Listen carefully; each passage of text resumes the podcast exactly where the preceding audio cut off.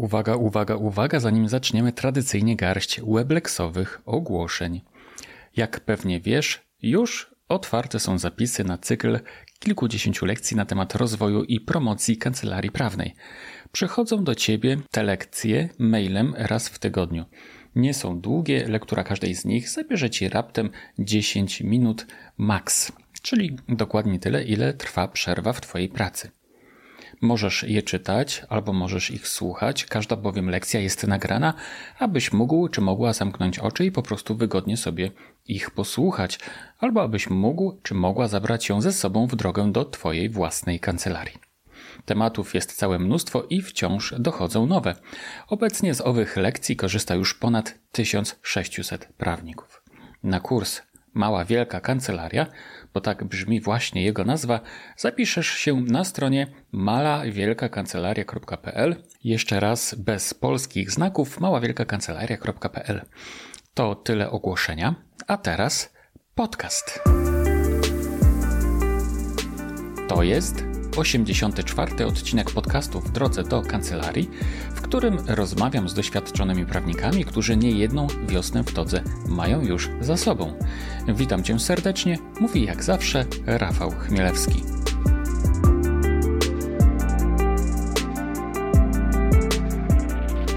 Jak dobrze wiesz, uwielbiam książki. Nie tylko je kolekcjonuję, ale przede wszystkim, przede wszystkim czytam. Staram się czytać dużo i jest to dla mnie najlepsza rozrywka. W zasadzie, gdybym mógł tylko czytać, spacerować po lasach i w przerwach pić kawę, to jest bardzo prawdopodobne, żebym był najbardziej szczęśliwym przedstawicielem naczelnych na tym padole ever. A, no i lubię też oczywiście pisać, no tak. W każdym razie lubię o książkach też mówić i rozmawiać, w szczególności kiedy mogę się dodatkowo czegoś nowego dowiedzieć. Dlatego od czasu do czasu spotykam się z mecenasem Bartoszem Gajkiem, krakowskim adwokatem, z którym rozmawiam właśnie o książkach. A dokładnie o tym, czego ciekawego Bartek dowiedział się z kolejnych kart nowych książek i jak to wpłynęło na działanie jego kancelarii. A na pewno jest to wiedza warta uwagi, gdyż mój gość do lektury wybiera książki ostrożnie i z rozmysłem. Nie traci czasu na czytanie pozycji, które po prostu zwykle trafiają w ręce, ale sięga po takie tytuły, które są rekomendowane przez innych cennych autorów. No i właśnie, zgodnie zresztą z zapowiedzią, dziś rozmowa o książkach. Książkach, które nie tylko rozwijają biznes kancelarii, ale robią z czytelnikiem coś więcej. A co? Tego dowiecie się już z naszej rozmowy. Naszą to rozmowę musiałem jednak podzielić na dwie części. Okazało się bowiem, że z wypiekami na twarzy słuchałem Bartka, czasem nieco przerywając, prawie dwie godziny. To trochę za dużo jak na jeden odcinek podcastu. Więc zadecydowałem o podziale na dwie części. Więc dziś część pierwsza, a w kolejnym odcinku część druga. Dziś posłuchasz o dwóch arcyciekawych pozycjach, potem zaś o sześciu kolejnych. Na razie tytułów nie zdradzam. Dla porządku jeszcze dodam, że mecenas Bartosz Gajek prowadzi swoją kancelarię adwokacką w Krakowie, prowadzi również blog prawniczy pod tytułem Na ratunek kreatywnym i był moim gościem w tym podcaście w odcinkach numer 23 i 58. No i jeszcze jedno zanim zaczniemy na dobre jest to autopromocja. Dodam, że podcast w drodze do kancelarii jest z dumą i radością wspierany przez wspaniały Weblex Bookkeeping, oferujący najwygodniejszą księgowość prawniczą na tej życiodajnej planecie. Ofertę i cennik usług księgowych dla prawników i dla kancelarii znajdziesz w prosty sposób pod adresem najwygodniejsza księgowość prawnicza.pl, oczywiście bez polskich znaków. Zaczynamy? No jasne. Panie i panowie, mecenas Bartosz Gajek.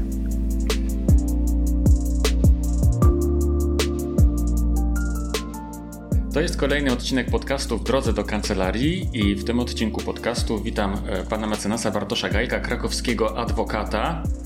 E, no i tradycyjnie, bo to już taka chyba tradycja się stała, że przyjeżdżam tutaj do pana e, mecenasa pogadać o książkach, o takich książkach, które rozwijają kancelarię prawną i na pewno rozwijają kancelarię prawną, ponieważ Bartek Gajek jest takim prawnikiem, takim adwokatem, który jest najlepszym przykładem tego, że po prostu lektura wartościowych pozycji pcha życie, kancelarię, e, nie wiem, wszystko jeszcze inne, co dobre w życiu, po prostu do przodu.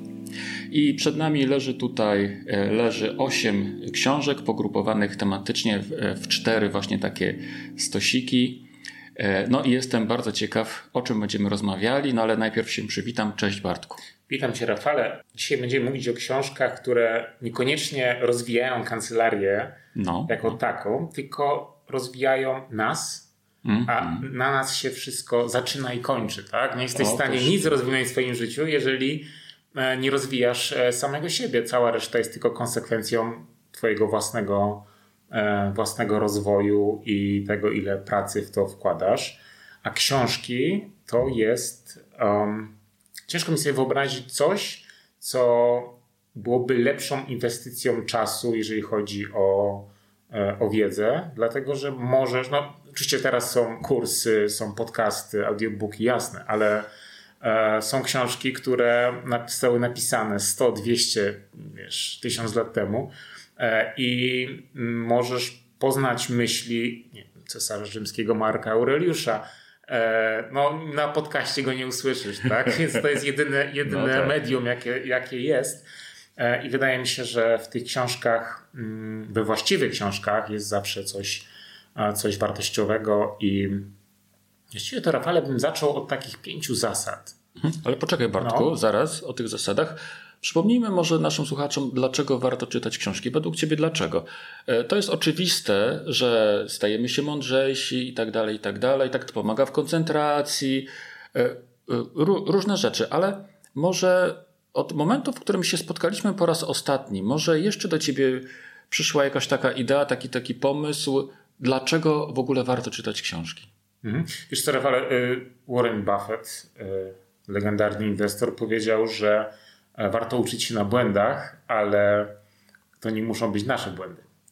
E, więc y, jeżeli uczenie się na błędach to jest życiowa lekcja, to z książek możesz dowiedzieć się, jakie błędy ludzie popełnili i nie musisz ich sam popełniać. Mhm. Możesz się tego e, dowiedzieć z książki, a ponoć sztuka żyka, życia polega na tym, żeby popełnić mniej błędów niż cała reszta. Mhm. Prawda? Bo, bo to są błędy, to jest coś, co bywa bardzo kosztowne albo nawet śmiertelne. Na tym też polega ewolucja, prawda? Te mhm. zwierzęta, które popełniają mniej błędów, żyją Mhm. Te, które popełniają więcej, nie, nie do końca.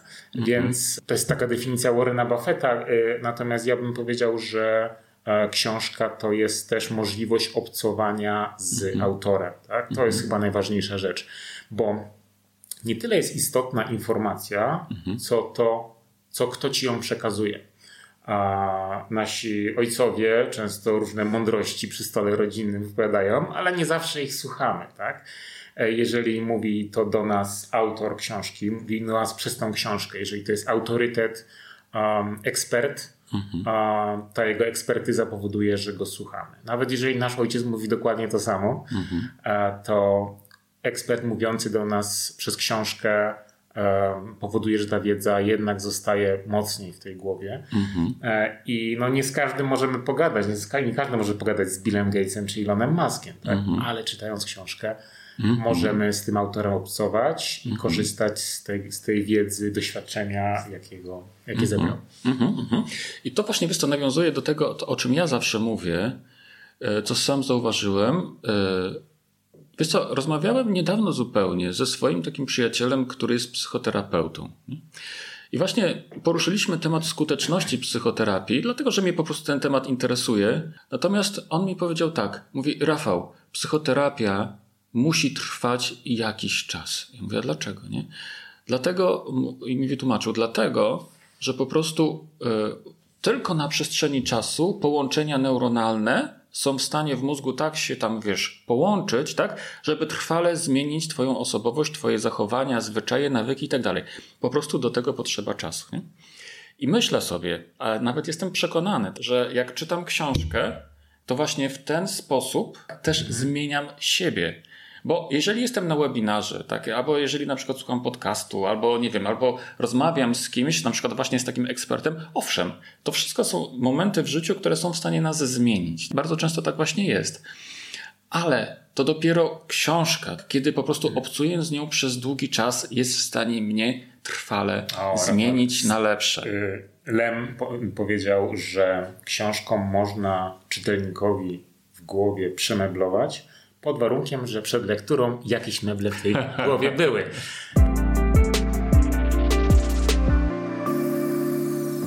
I wydaje mi się, że to jest chyba dobry moment, żeby przejść do tych zasad. To są zasady, które ja ich w nie stworzyłem, po prostu zebrałem, jakoś tak mi się dzisiaj ułożyły, jak się przygotowałem do naszego spotkania. Mhm. E, jedna z e, tych zasad to jest to, że mm, czytaj szeroko, ale wedle rekomendacji.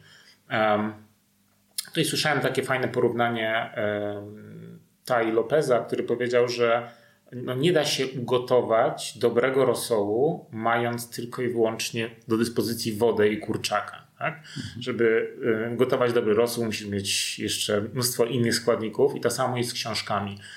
Nie można wpaść w pułapkę czytania tylko książek biznesowych, ponieważ no, jesteś w stanie tylko w sposób ograniczony je wykorzystać. Okay. Jest cała, całe spektrum różnych książek, począwszy od y, psychologii zdrowia, y, ekonomii, finansów,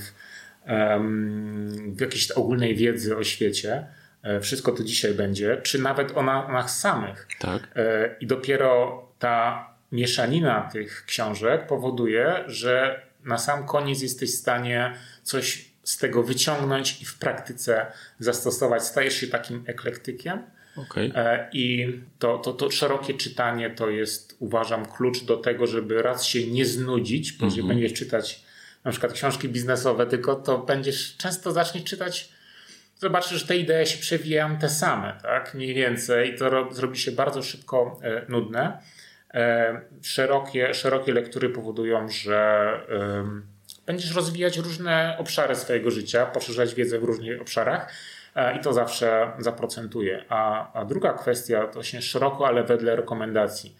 Rafale, jest tyle książek, jest co roku jest wyda wydawane, to są nie wiem, miliony pewnie, albo setki tysięcy. Nie ma możliwości przeczytania tych książek. Możesz przeczytać przez całe swoje życie no, e, no może kilkaset naprawdę no to jest góra, nie? Mm -hmm. chyba że jesteś, jesteś naprawdę zaprawionym czytelnikiem, a więc jedyne co możesz zrobić to przeczytać najlepsze. Mm -hmm. A więc moja zasada jest taka, że nie wezmę do ręki książki, o której, której nie widziałem rekomendacji przynajmniej z kilku miejsc. Mm -hmm.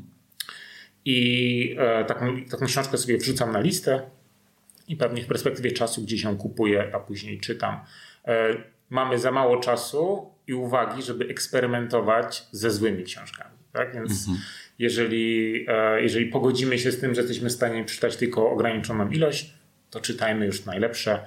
Ja wierzę, na przykład tutaj patrzymy na stole, Factfulness, no tą książkę zgodnie z okładką rekomenduje Bill Gates. Mhm. Mądry gość. Mhm. Ufam Billowi Gatesowi, ponoć wielki czytelnik. Ok, jeżeli on to rekomenduje, ok, no coś jest na rzeczy. Tak? I faktycznie rewelacyjna książka. Więc to jest taka zasada, mm, którą się kieruje. A druga kwestia to jest e, bądź mentalnym Robin Hoodem. Okay. Co to oznacza? No. E, słuchaj, e, wydaje mi się, że takim częstym błędem jest to, że czytamy książkę i staramy się zapamiętać jak najwięcej, po prostu potem się mm, Potem się po lekturze zapominamy to wszystko i pechą cholerę ja to czytam, skoro ja nic tego nie pamiętam. Widzisz, mentalny Robin Hood no, to jest no. taka osoba, która wychodzi z założenia, że autor jest tym bogatym, my jesteśmy tym biednym, więc potrzebujemy coś mu zabrać, ukraść, ukraść bogatym i dać biednym. Okay. E, więc potrzebujesz tak naprawdę z całej książki jedną ideę, tą jedną, jedną złotą monetę, którą wyciągasz z tej książki. Czasami to jest przykładowo dlaczego śpimy, czasami to jest po prostu pewne ogólne pojęcie czy przeświadczenie o tym, co należy robić, a czego nie należy. Czasami to jest pojedyncza myśl, jakaś idea, natomiast no nie, nie zapamiętamy całej książki, bo będziemy ją czytać w kółko, ale to nie ma sensu, tak? Więc mentalny Robin Hood to jest taka osoba, która wie, że z tej książki jest w stanie, nie, nie obrabujesz bogatych w 100%, tak? Mm -hmm. Robin Hood też przecież nie kradł na potęgę, tylko tylko rabował, tak? I dawał biednym, zgodnie z tym mitem. Um, aczkolwiek trochę się czuję niekomfortowo mówiąc o tym w tym kontekście. Um, czy Robin Hood popełniał rozbój? No możesz taki rozbój intelektualny popełnić na książce w ten sposób, że wyciągniesz tam jedną złotą myśl z tej książki i to wystarczy. Tak? Jeżeli z takim podejściem czytasz, to wystarczy. No, kolejna, kolejna kwestia to jest to e, Andy Frisella skończ to, co zacząłeś. Rafale, będziesz czytać w życiu kiepskie książki. I podejście takie konwencjonalne jest takie. Czytam książkę, nudna książka, nie, do niczego, to ja przeczytałem 10 stron i odkładam, następna, tak? No to też mnie nie wciągnęła, dobra, śrub na, na półkę, czytam, bierzemy kolejną. Nie.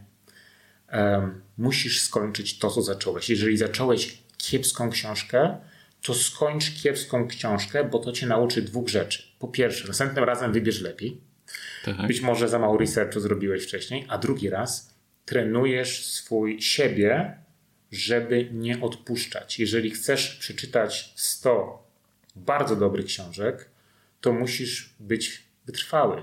Jeżeli będziesz odpuszczać tylko dlatego, że po 10 stronach książka cię znudziła, no to sorry, odpuścisz nawet gdyby książka była przeciętna albo jedna z lepszych.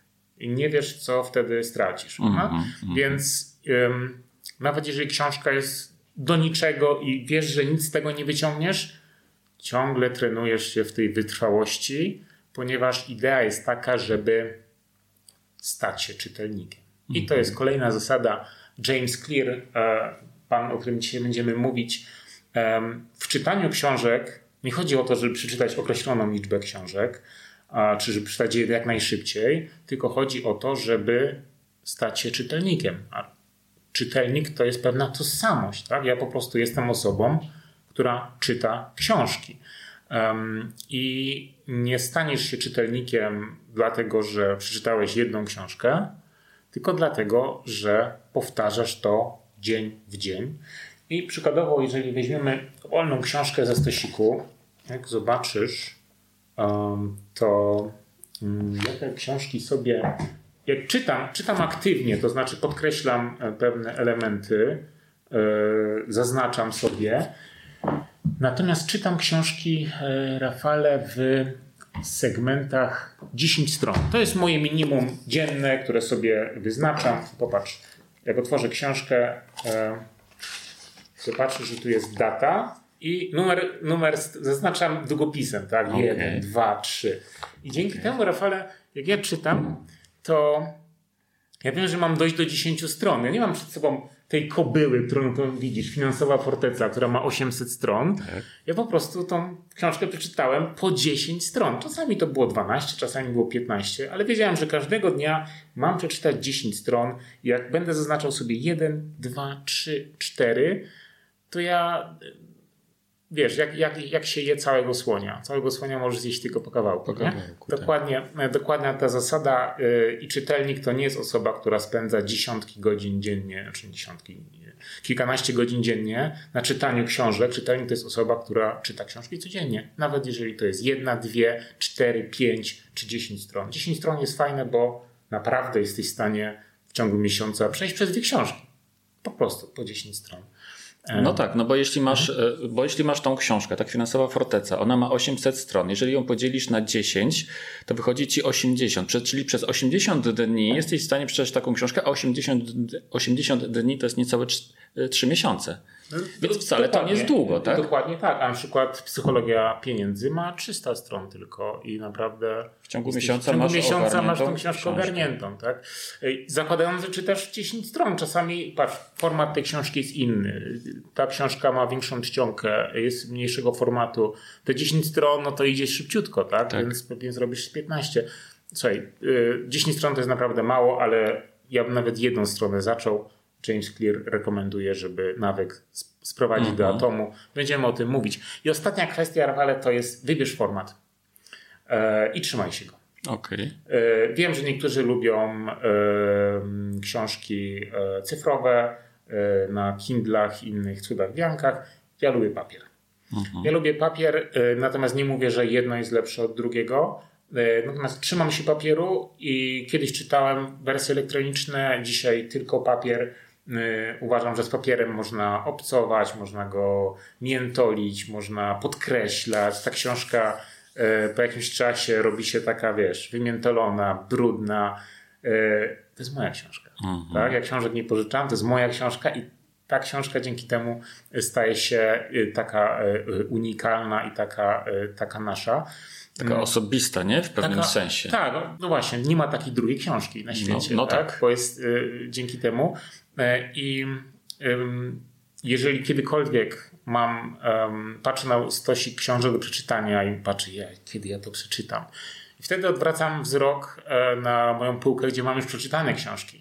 I wiem, że każda z tych książek, którą przeczytałem, to jest głos oddany za tożsamością czytelnika. Jak ja patrzę na to, co przeczytałem, się sobie, ok, przeczytałem tyle, jestem spokojnie w stanie tam to też przeczytać, bo mam dowód na to, że jestem osobą, która czyta książki. Ten dowód mhm. jest przede mną, widać go um, jak na dłoni. Pewnie trochę jest tym ego, bo te książki tak dumnie stoją i prężą muskuły intelektualne, ale wiesz co, no, um, ja uważam, że papier, e, papier rządzi. E, jedna tylko kwestia, e, widzę, że no Kindle to może go sadzić do kieszeni i, i chodzić z nim wszędzie. Ok, no ja biorę książkę wszędzie. Mm, I mm. o ile na przykład jak taka broszurka jak Praca, praca Głęboka, możesz ją sobie schować do kieszeni czy gdzieś tam, no to już finansową fortecę, jak ją nosiłem ze sobą, no to było, było ciężko, bo to jest cegła. Mm, ale w pewnym momencie się przyzwyczajasz do tego, że jeżeli gdzieś idziesz i wiesz, że będziesz miał chwilę czasu, nie wiem, jesteś u lekarza, u dentysty, tak? Ja biorę tą książkę i szpanuję tam przed wszystkimi, bo wszyscy siedzą w folikach i tak tam jest. sobie klikają, a ja czytam książkę i na drzewo. Tak jest. To jest pięć moich zasad, Rafale. Okej, okay, to czekaj, powtórzmy je jeszcze. Stań się czytelnikiem. Czytaj codziennie skończ co, co zacząłeś, bo to wyrabia nawyk czytania i po prostu mm, kończąc kiepską książkę będziesz gotowy na skończenie naprawdę dobrej. Bądź mentalnym Robin Hoodem, czyli szukaj tylko jednej idei, e, może więcej, może mniej, ale -hmm. przynajmniej wyjść z czymś. E, czytaj szeroko i wedle rekomendacji. Zupę robi się z kilku składników, nie tylko z kurczaka i wody, a rekomendacje są po to, żeby kierować się tym, co autorytety ci rekomendują, bo wtedy no, nie masz tyle czasu, żeby przeczytać wszystko. E, I na koniec wybierz format i się go trzymaj, czy to będzie elektroniczne, czy książki. Zobacz to, co lubisz, a nie to, co jest wygodne, czy optymalne, tak po prostu. Mhm. To mi się wiesz co, e, jeśli mógłbym skomentować, to w ogóle super, wiesz, te zasady są. E, e, mentalny Robin Hood absolutnie pobija wszystko. Natomiast, e, e, natomiast ta pierwsza zasada czytaj szeroko, tak? Wyobrażam sobie drzewo że drzewo jak rośnie, to nie może mieć jednej gałęzi z boku, bo się mhm. przewróci, nie?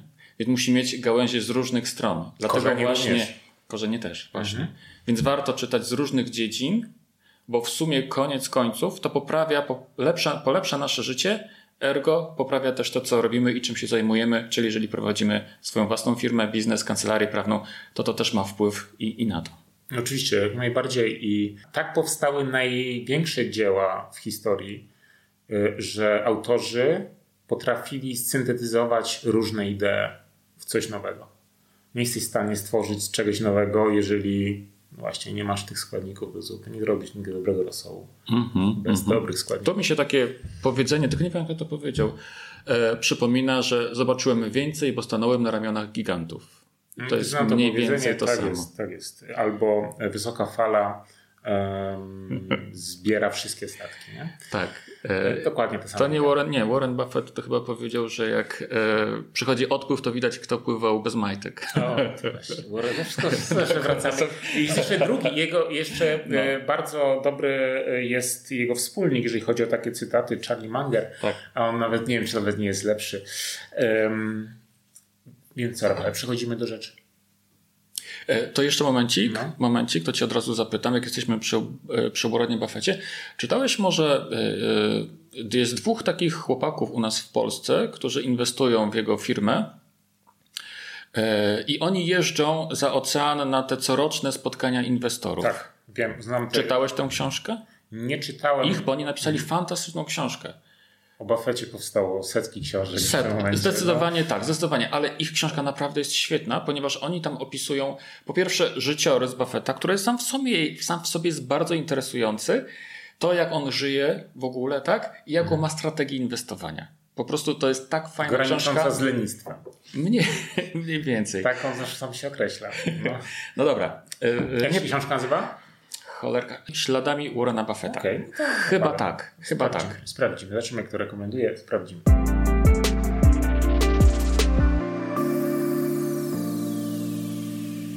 Rafale, mamy tutaj, widziałeś, 8 książek podzielone w, one są, żeby było jasne, one nie są ułożone na kupce, one są spryzmowane, żeby było jasne. Podzieliłem je na takie cztery segmenty, o których dzisiaj będziemy mówić.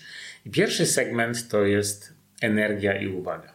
Okay. Jeżeli komuś się wydaje, że czas i pieniądze są najważniejsze, e, no to jest, e, jest w błędzie, bo energia i uwaga to jest coś, by, jeżeli nawet masz czas i pieniądze, a nie masz energii i uwagi, to nie jesteś w stanie nic sensownego zrobić. Tak? Jeżeli masz energię i uwagę, mm, nawet nie mając pieniędzy, e, to jesteś w stanie coś, coś w tym życiu osiągnąć i coś stać się kimś, e, kim chcesz. Tak? Mhm. E, to jest bardzo ważne. Obydwie te rzeczy w naszym, w naszym świecie są poddane całkowitej destrukcji mhm. i ciągłym atakom. Energia i uwaga. Chodzimy wszyscy niewyspani i cały czas rozproszeni. Więc jeżeli jesteśmy w takim stanie, a to jest stan, w którym znajduje się mnóstwo ludzi, to pierwsza książka, którą bym rekomendował, Doktor Matthew Walker. Dlaczego śpimy? Odkrywanie potęgi snu i marzeń sennych. Mm-hmm. To jest książka, e, którą napisał brytyjski naukowiec. On zajmuje się badaniem mózgu. E, to jest psycholog. I przesłanie tej książki to jest jedna z tych książek, gdzie niewiele zapamiętałem z tej książki, natomiast idea jest niesamowita. To znaczy, nie ma takiego procesu w naszym ciele, mhm. które sen by nie optymalizował, albo procesu, którego brak snu by nam w jakiś sposób nie psuł. Tak?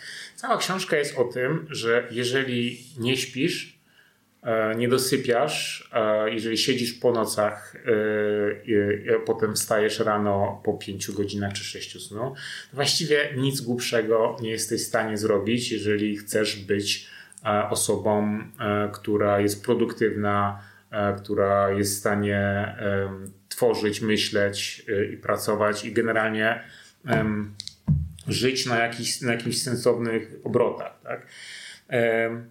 Wiem, że jest taki mit e, osoby, która nie śpi po nocach, bo pracuje. Tak. I Bardzo często tak robimy, jak jesteśmy młodsi na przykład i mamy mnóstwo energii. To, tak, Rafale, no ale na przykład e, to, że my nie śpimy po nocach, to na, może na nikim tak wrażenia nie robi, jak na przykład to, że e, czytałem biografię e, pana Ilona Muska, który właśnie słynie z tego, że praktycznie w ogóle nie śpi. Elon Musk jak tworzył PayPala, to e, kodował i zasypiał na klawiaturze, po czym budził się i kodował dalej. Tak? No i teraz y, myślenie takie czarno-białe powoduje, że chcemy wierzyć, że kluczem do sukcesu to jest dużo pracować i mało spać. E, I pan Matthew Walker nam no, udowadnia, że takie jednostki jak właśnie, mm, jak właśnie y, nasz Elon Musk y, czy czy, jakiś, czy jacyś inni e, tytani e, pracy, oni osiągają sukces nie dlatego, że mało śpią, tylko osiągają sukces pomimo tego, że mało śpią. I to jest główne przesłanie tej książki.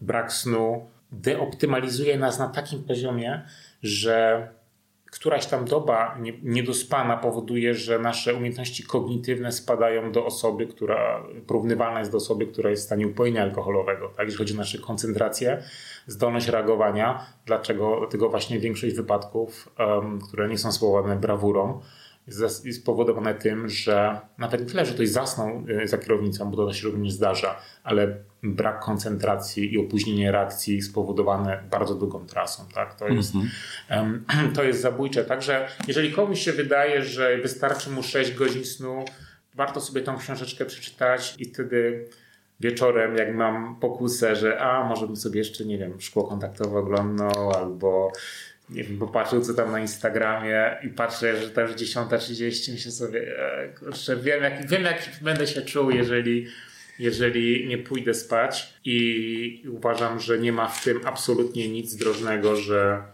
e, spanie to nie jest e, oznaka lenistwa, to jest po prostu zdrowy rozsądek.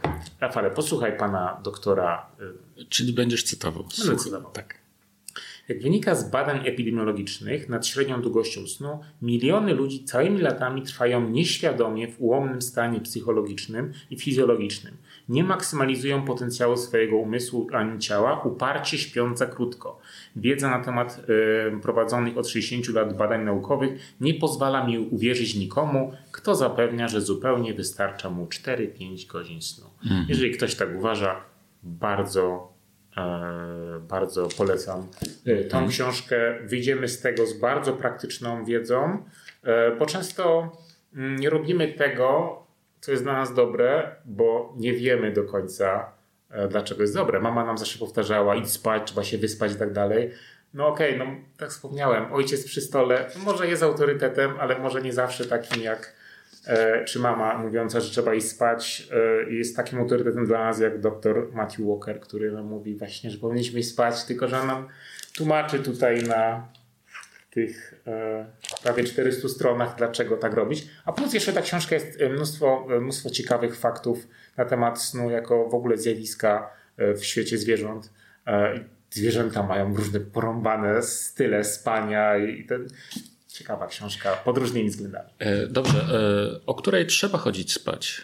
Bo na pewno tam w tej książce też jest ten temat poruszony. E, wiesz co, o której trzeba, wiem, że liczy się, najbardziej liczy się regularność. Nawet nie tyle długość snu, co, co gdzie mieliśmy stopniować, to mamy piramidkę i piramidka ma fundament, tak? Mhm. Najważniejsze jest regularność e, snu, okay. E, że chodzisz o tej samej godzinie e, i o tej samej godzinie, albo o tej samej godzinie wstajesz, tak? Tak, czyli nie ma czegoś takiego, że w niedzielę sobie pośpię do dziewiątej. Nie ma, nie ma czegoś takiego jak, jak spanie na kredyt, to też jest mit. Okej. Okay. To też jest mit. na kredyt. Jeszcze tylko dwie, dwa zdania komentarza. E, Elon Musk e, zarobił miliardy rzeczywiście na sprzedaży PayPala, e, natomiast to musi, to, czy tam było kilka osób, nie, on nie był sam, ale to im się w ogóle nie sprzedawało ten produkt. Oni dopiero pozyskali inwestora i zrobili to w ten sposób, że ludziom, którzy zakładali konta na PayPalu, dawali 10 dolarów. Wiesz? Mhm. I, I te miliony dolarów, które ten inwestor wpompował, poszły właśnie w to, żeby ludo, ludziom zakładającym konta dawać prezenty. Więc to y, tym bardziej jest dowodem na to, że oni osiągnęli sukces, czy on osiągnął sukces, pomimo tego, że krótko spał nie? i że dużo pracował. Y, to jedna rzecz, a druga rzecz takiego mojego komentarza, przepraszam cię za ten komentarz, bo mi po prostu to świdruje cały czas w głowie. Jasne. Y, zdrowy, długi sen pomaga również w utrzymaniu wagi.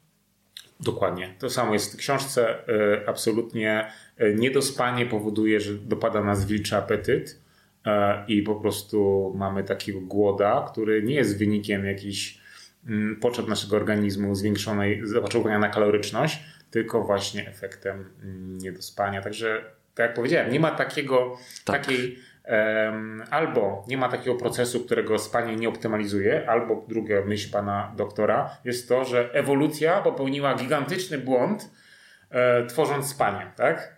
Po co, po co sen ewolucja, e, mhm. po co wyewoluowaliśmy, żeby spać, tak? Mhm. no właśnie po to, co w tej książce się dowiecie, co i jak. No dobra, jedźmy dalej. Jedźmy dalej. Wow, to jest książka druga, jak mówimy o śnie, tak. mówimy o energii, tak. to, to jest książka o uwadze. Niewolnicy dopaminy, Anna e, Lempke. E, pani Anna Lempke jest e, psychiatrą. Jeżeli ktoś zna Andrzej Hubermana, neurobiologa, gwiazdę YouTube'a i podcastów, to pan Andrew Huberman się rozpływa nad swoją koleżanką, panią Annią Lempkem i bardzo mhm. rekomenduje tę książkę. Znowu mhm. zasada, rekomendacja. Mhm. Wzięliśmy do ręki. E, Rafale, dopamina, neuroprzekaźnik, uniwersalna waluta w ogóle całego świata. Tak? Wszystko, co robimy, jest tak naprawdę e, napędzane e, dopaminą. E, szczury pozbawione dopaminy nie mają siły nawet się podnieść, żeby zjeść, pomimo tego, że umierają z głodu dosłownie. Tak? E, dlaczego to jest istotne? Dlatego, że mm, wszystko, co robimy w naszym życiu, albo co przynajmniej duża część z nas robi, są źródła tak zwanej taniej dopaminy. E, lajkujemy na, przeglądamy, lajkujemy na mediach społecznościowych, dostajemy lajki, przeglądamy e, shorty, jemy śmieciowe jedzenie. To wszystko powoduje, tak. że spada nam motywacja, ponieważ osiągamy ewolucyjnie gigantyczną przyjemność za pomocą zerowego wysiłku. Więc e, ta książka jest, uświadamia nam to, że godzina spędzona na TikToku nie jest za darmo i jak nasza szala, e, wewnętrzna szala przechyla się w kierunku przyjemności, to potem pójdzie w górę w kierunku niestety bólu. Mm. Ta szala musi być zbalansowana, jeżeli robimy coś, co jest dla nas bardzo przyjemne, a jednocześnie nie wymaga od nas wysiłku, czyli bólu. Niestety zapłacimy za to w dłuższej, w dłuższej perspektywie. To jest pierwsza myśl. A druga myśl jest taka, że e, możemy to zmienić w ten sposób, że będziemy sobie świadomie odmawiać pewnych rzeczy. Nie mówię, żeby być jakimś ascetą, ale jeżeli świadomie będziemy moderować nasze zachowanie, to zaczniemy odczuwać większą przyjemność z prostych rzeczy, ze spaceru, z ładnej pogody, e, z rzeczy, które do tej pory nas e, może nie bawiły już tak dobrze jak kiedyś, a zrobimy sobie od nich przerwę i będą wtedy dla nas świeże i, i znowu źródłem jakiejś e, radości i, i, i przyjemności. E, jeżeli przegniemy w drugą stronę, no to szybciutko zobaczymy, że e, pomimo tego, że jemy to śmieciowe jedzenie, ono już nie jest takie smaczne. Oglądamy serial 10 odcinków pod rząd i on już nie jest taki fajny. -hmm. Prawda? To nie jest to, że z nami jest coś nie tak. To jest nasza chemia wewnętrzna, chemia naszego mózgu i mhm. tak to działa. Tak? Mhm. Jeżeli, jeżeli coś osiągamy bez wysiłku, no to e, nie jest to, e, nie jest to za darmo. Mhm. Bo ja rozumiem, że niewolnicy dopaminy, to to słowo niewolnicy, to ono ma tutaj takie znaczenie e, negatywne, tak? I tak, oczywiście uzależniamy się Właśnie. od tego, co jest źródłem tej dopaminy, od dużym uproszczeniu, Rafale, bo to są oczywiście bardzo skomplikowane procesy. W tej książce jest to wszystko e, opisane w sposób taki bardzo zrozumiały. Ja nawet nie będę się silił na tłumaczenie tej, e, tej, e, tych zjawisk, jakie zachodzą w naszym mózgu. Natomiast sam mechanizm jest bardzo prosty do zrozumienia. Tak? Jeżeli robimy coś, tak. co daje dużo przyjemności, a nie wymaga wysiłku, niestety płacimy za to. Czy to nie jest ten hormon, który jest odpowiedzialny za uzależnienia od alkoholu, nikotyny, od mediów społecznościowych też? Tak. Wszystko, co jest dla nas przyjemne, powoduje wyzieranie się tej dopaminy przy tej okazji. Okay. E, I e, właśnie narkotyki mają to do siebie, te najtwardsze, że, że wydzielają jej takie gigantyczne ilości, że nie jesteśmy w stanie niczego zwykłego w naszym życiu e, przeżyć, co by mogło taką podobną ilość dopaminy wydzielić. E, bardzo okay. ciekawa tutaj była analiza przy grach komputerowych, mm -hmm. gdzie sytuacja, w której przegrywamy, przegrywamy i w ostatniej chwili udaje nam się wygrać. Mm -hmm. To jest źródłem gigantycznej ilości dopaminy. Jest tylko jeden mały problem. W naszym prawdziwym życiu bardzo ciężko jest doświadczyć takiej sytuacji. No bo -hmm. kiedy, tak? Mhm. Kiedy prawie przegrałeś, ale w ostatniej chwili wygrałeś to masz mhm. doświadczenia na palcach jednej ręki całego życia. W mhm. grze komputerowej możesz to przeżyć co 15 mhm. minut, tak? No i to powoduje, że się y, też ciekawa sytuacja ze skokami spadochronowymi. Tak intensywne przeżycie powoduje coś takiego jak później depresja spadochroniarza. okay. że nic, co, nic w życiu nie jest tak intensywne jak skok ze spadochronem. Tak? Mm -hmm. Więc no, ciekawostka. Okej, okay. to cytat. E, cytat. Paradoks hedonizmu polega na tym, że dążenie do przyjemności samej w sobie prowadzi czasem do anhedonii, która jest niemożliwością czerpania przyjemności jakiegokolwiek e, rodzaju. Jeśli poczekamy wystarczająco długo, nasze mózgi zwykle ponownie dostosują się do nieobecności uzależniającej substancji i przywrócimy im wyjściową homeostazę, równowagę pomiędzy przyjemnością a bólem. To wypoziomowanie pozwala ponownie czerpać przyjemność z codzienności, ludzi, miejsc i rzeczy, pójścia na spacer, oglądania wschodu słońca, zjedzenia posiłku z przyjaciółmi. Innymi słowy, Rafale, jeżeli mamy, czujemy się tak nie do końca, e, nic nas nie cieszy, wszystko jest takie zwykłe, nudne i tak dalej, to znaczy, że trzeba sobie zrobić stop, zapauzować, e, i może jeden dzień spędzić bez mediów społecznościowych, telewizji, e, zjeść prosty posiłek, przejść się i nasz mózg wróci do tego poziomu bazowego, jeżeli chodzi o poziom dopaminy i znowu wszystko będzie ciekawsze, e, będziesz miał więcej motywacji. A jak się w ogóle tego wyśpisz już, to i, o tak, tak. Żyć nie umierać. Natomiast to, wiesz co, jak mówiłeś o tym, to e, w głowie mam e, nastolatki, bo mam też dzieci w wieku na, nastu lat, tak? I hmm. ich obserwuję je, obserwuję ich przyjaciół. I też czytam trochę na ten temat. Jako rodzic po prostu interesuję się tym zagadnieniem. Przecież dzisiaj mamy ogromną falę epidemię wręcz depresji wśród tak. dzieci, tak? Mhm. I być może właśnie to wynika z tego, tak? Z tego, z, tej, z tego nadmiaru dopaminy. I to widzę też, wiesz co, po swoich dzieciach, bo dlatego, że jeżeli gdzieś wyjeżdżamy, i wtedy, kiedy one nie mają możliwości e, e, siedzenia, e, znaczy dostępu do telefonu komórkowego, ponieważ gdzieś się przemieszczamy, całymi dniami gdzieś chodzimy, tak? Nie ma możliwości iść i po prostu, wiesz, siedzieć w komórce, tak? I nagle się okazuje, że te dzieci zaczynają się zmieniać, nie? Po prostu zaczynają tak jakby, opada z nich taka, taka jakby maska, tak? Coś, coś w tym stylu. Jakby wy, wychodzi na wierzch ich taka prawdziwa osobowość, co się automatycznie zmienia, kiedy wracamy do domu, kiedy jest więcej czasu na to, żeby sięgnąć po komórkę, tam pogrzebać. I to właśnie wydaje mi się dobrym e, obrazkiem dla właśnie tego, co powiedziałeś i co, przy, co, ta pani, co pani Anna Lampkę e, napisała. I też, Rafale, fajnie sobie uświadomić samemu sobie, że to, co ja odczuwam, to nie jest jakieś coś tylko typowe dla mnie, to nie jestem ja, tylko to jest chemia, która we mnie zachodzi. To są procesy znane, dobrze opisane. Więc jeżeli odczuwam A, to wystarczy, że zrobię B i przestanę się w ten sposób czuć. Myślę, że każdy z nas doświadczył tego, e, że siedzi sobie na telefonie i skroluje te shorty przykładowo. Tak. I wiesz, po 15 minutach już, tak. już nie mogę na to patrzeć, ale i tak skrolujesz, tak? tak? Tak. Pomimo tego, że nie sprawia ci też przyjemności. Tak. A, a, algorytm jest tak ustawiony, nie możesz cały czas odczuwać tej przyjemności, więc algorytm podsunie ci dwa shorty, które ci się nie spodobają i jeden, który ci się bardzo spodoba.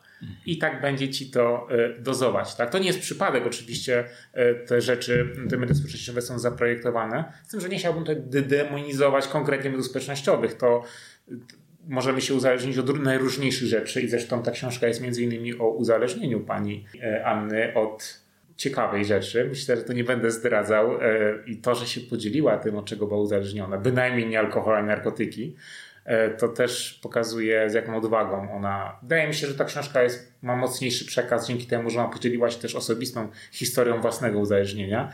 Mm, no ciekawe, mm -hmm. myślę, że tutaj nie będę spoilerował, mm -hmm. od czego się pani uzależniła, ale wyszła z tego. No dobrze, to mamy jeden temat, e, jedną, e, jak napis... nie kubkę, tylko jak? Załatwione? Są, są, są spryzmowane. Do, okay. to od pewnego Jedną... rolnika się dowiedziałem, że się pryzmuje, nie trzyma się na kupie niczego. Dobra. E, więc Rafale, jak mamy tę już energię uwagę, uwagę ogarniętą, jesteśmy wyspani i już e, i skupieni, tak? tak, tak. No to um, e-mail, właśnie na koniec jeszcze Rafale, no. bo to się, ja, to, to jest moja pięta achillesowa. No, dawaj, dawaj. E-mail w telefonie jest, zwłaszcza Gmail, jest jak jednoręki bandyta, który zresztą też działa na tej zasadzie. Tak? Jednoręki bandyta polega na tym, pociągamy za wajchę i najczęściej wyskakuje nam coś kiepskiego, ale co jakiś czas wyskoczy nam wygrana, światełka się palą, pieniążki wlatują, dopomina świruje. Tak samo jest z mailem. Bierzemy maila, bierzemy telefon do ręki, otwieramy sobie Gmaila, no i odświeżamy go i wyskakują jakiś newsletter, newsletter, yy, wiesz, e, e-mail od klienta, nagle pyk, newsletter e, Rafała Śnieleckiego, tak? Że o, czytamy, nie? Wygrana. Tak samo, więc jeżeli odświeżamy tego, tego maila, to po prostu szukamy tego źródła tej dopaminy, coś, co nam, wiesz, fajna informacja, tak? Pozytywna. 90% czasu to będzie jakieś głupoty zwykłe, które nam sprawiają radości albo wręcz nawet nas wkurzą, ale te 10% czasu wyskoczy nam taki mail, że po prostu wow, nie? I mm. dlatego to sprawdzamy. Dlatego ja staram się, Rafale, trzy razy dziennie sprawdzam maila. E, najczęściej to tylko na komputerze stacjonarnym, ponieważ bez tego po prostu sprawdzam go 40 razy, 50 razy, wiesz, co chwilę, tak? Ale masz w telefonie pocztę, tak? No mam, no ale... Tylko tyle, że jej nie sprawdzasz. Nie sprawdzam. I właśnie to jest przesłanie książki pani Ani Lempke. Przyszłość należy do tych, którzy będą potrafili moderować swoje własne zachowanie. Będą potrafili się kontrolować pomimo tych wszystkich... Bo nie możemy się wyłączyć ze świata, możemy tylko kontrolować to, co sami robimy. Um, tak jest jej przesłanie, że jeżeli jesteśmy świadomi tego, co robimy i czego nie robimy, mamy gigantyczną przewagę nad innymi. To była pierwsza część naszej rozmowy z Bartoszem Gajkiem, krakowskim adwokatem. Drugiej części posłuchasz w kolejnym odcinku podcastu. Przypomnę, że tym razem rozmawialiśmy o książkach pod tytułem Dlaczego śpimy? Odkrywanie potęgi snu i marzeń sennych autorstwa Matthew Walkera oraz Niewolnicy dopaminy jak odnieść równowagę w epoce obfitości autorstwa pani Anny Lempke. W szczególności cenne wskazówki, które wyniosłem z tej części rozmowy to, że przyszłość należy do tych, którzy będą umieli moderować swoje własne zachowania oraz, że nie powinniśmy się skupić wyłącznie na rozwoju w jednym kierunku, ale w wielu kierunkach. Tutaj chodzi mi o porównanie do rosołu, który nie może się składać wyłącznie z wody i skóry, czy do drzewa, które ma tylko jedną gałąź. Zatem bądźmy mądrymi kreatorami własnego życia, co wpłynie także na rozwój waszych, naszych biznesów prawniczych. To już tyle na dziś. Do usłyszenia w kolejnym odcinku podcastu w drodze do kancelarii. Mówił Rafał Chmielewski, autor pamiętnika adwokata oraz szef w grupie Weblex wspierającej prawników i kancelarii prawne w zdobywaniu wielkiego i wspaniałego świata.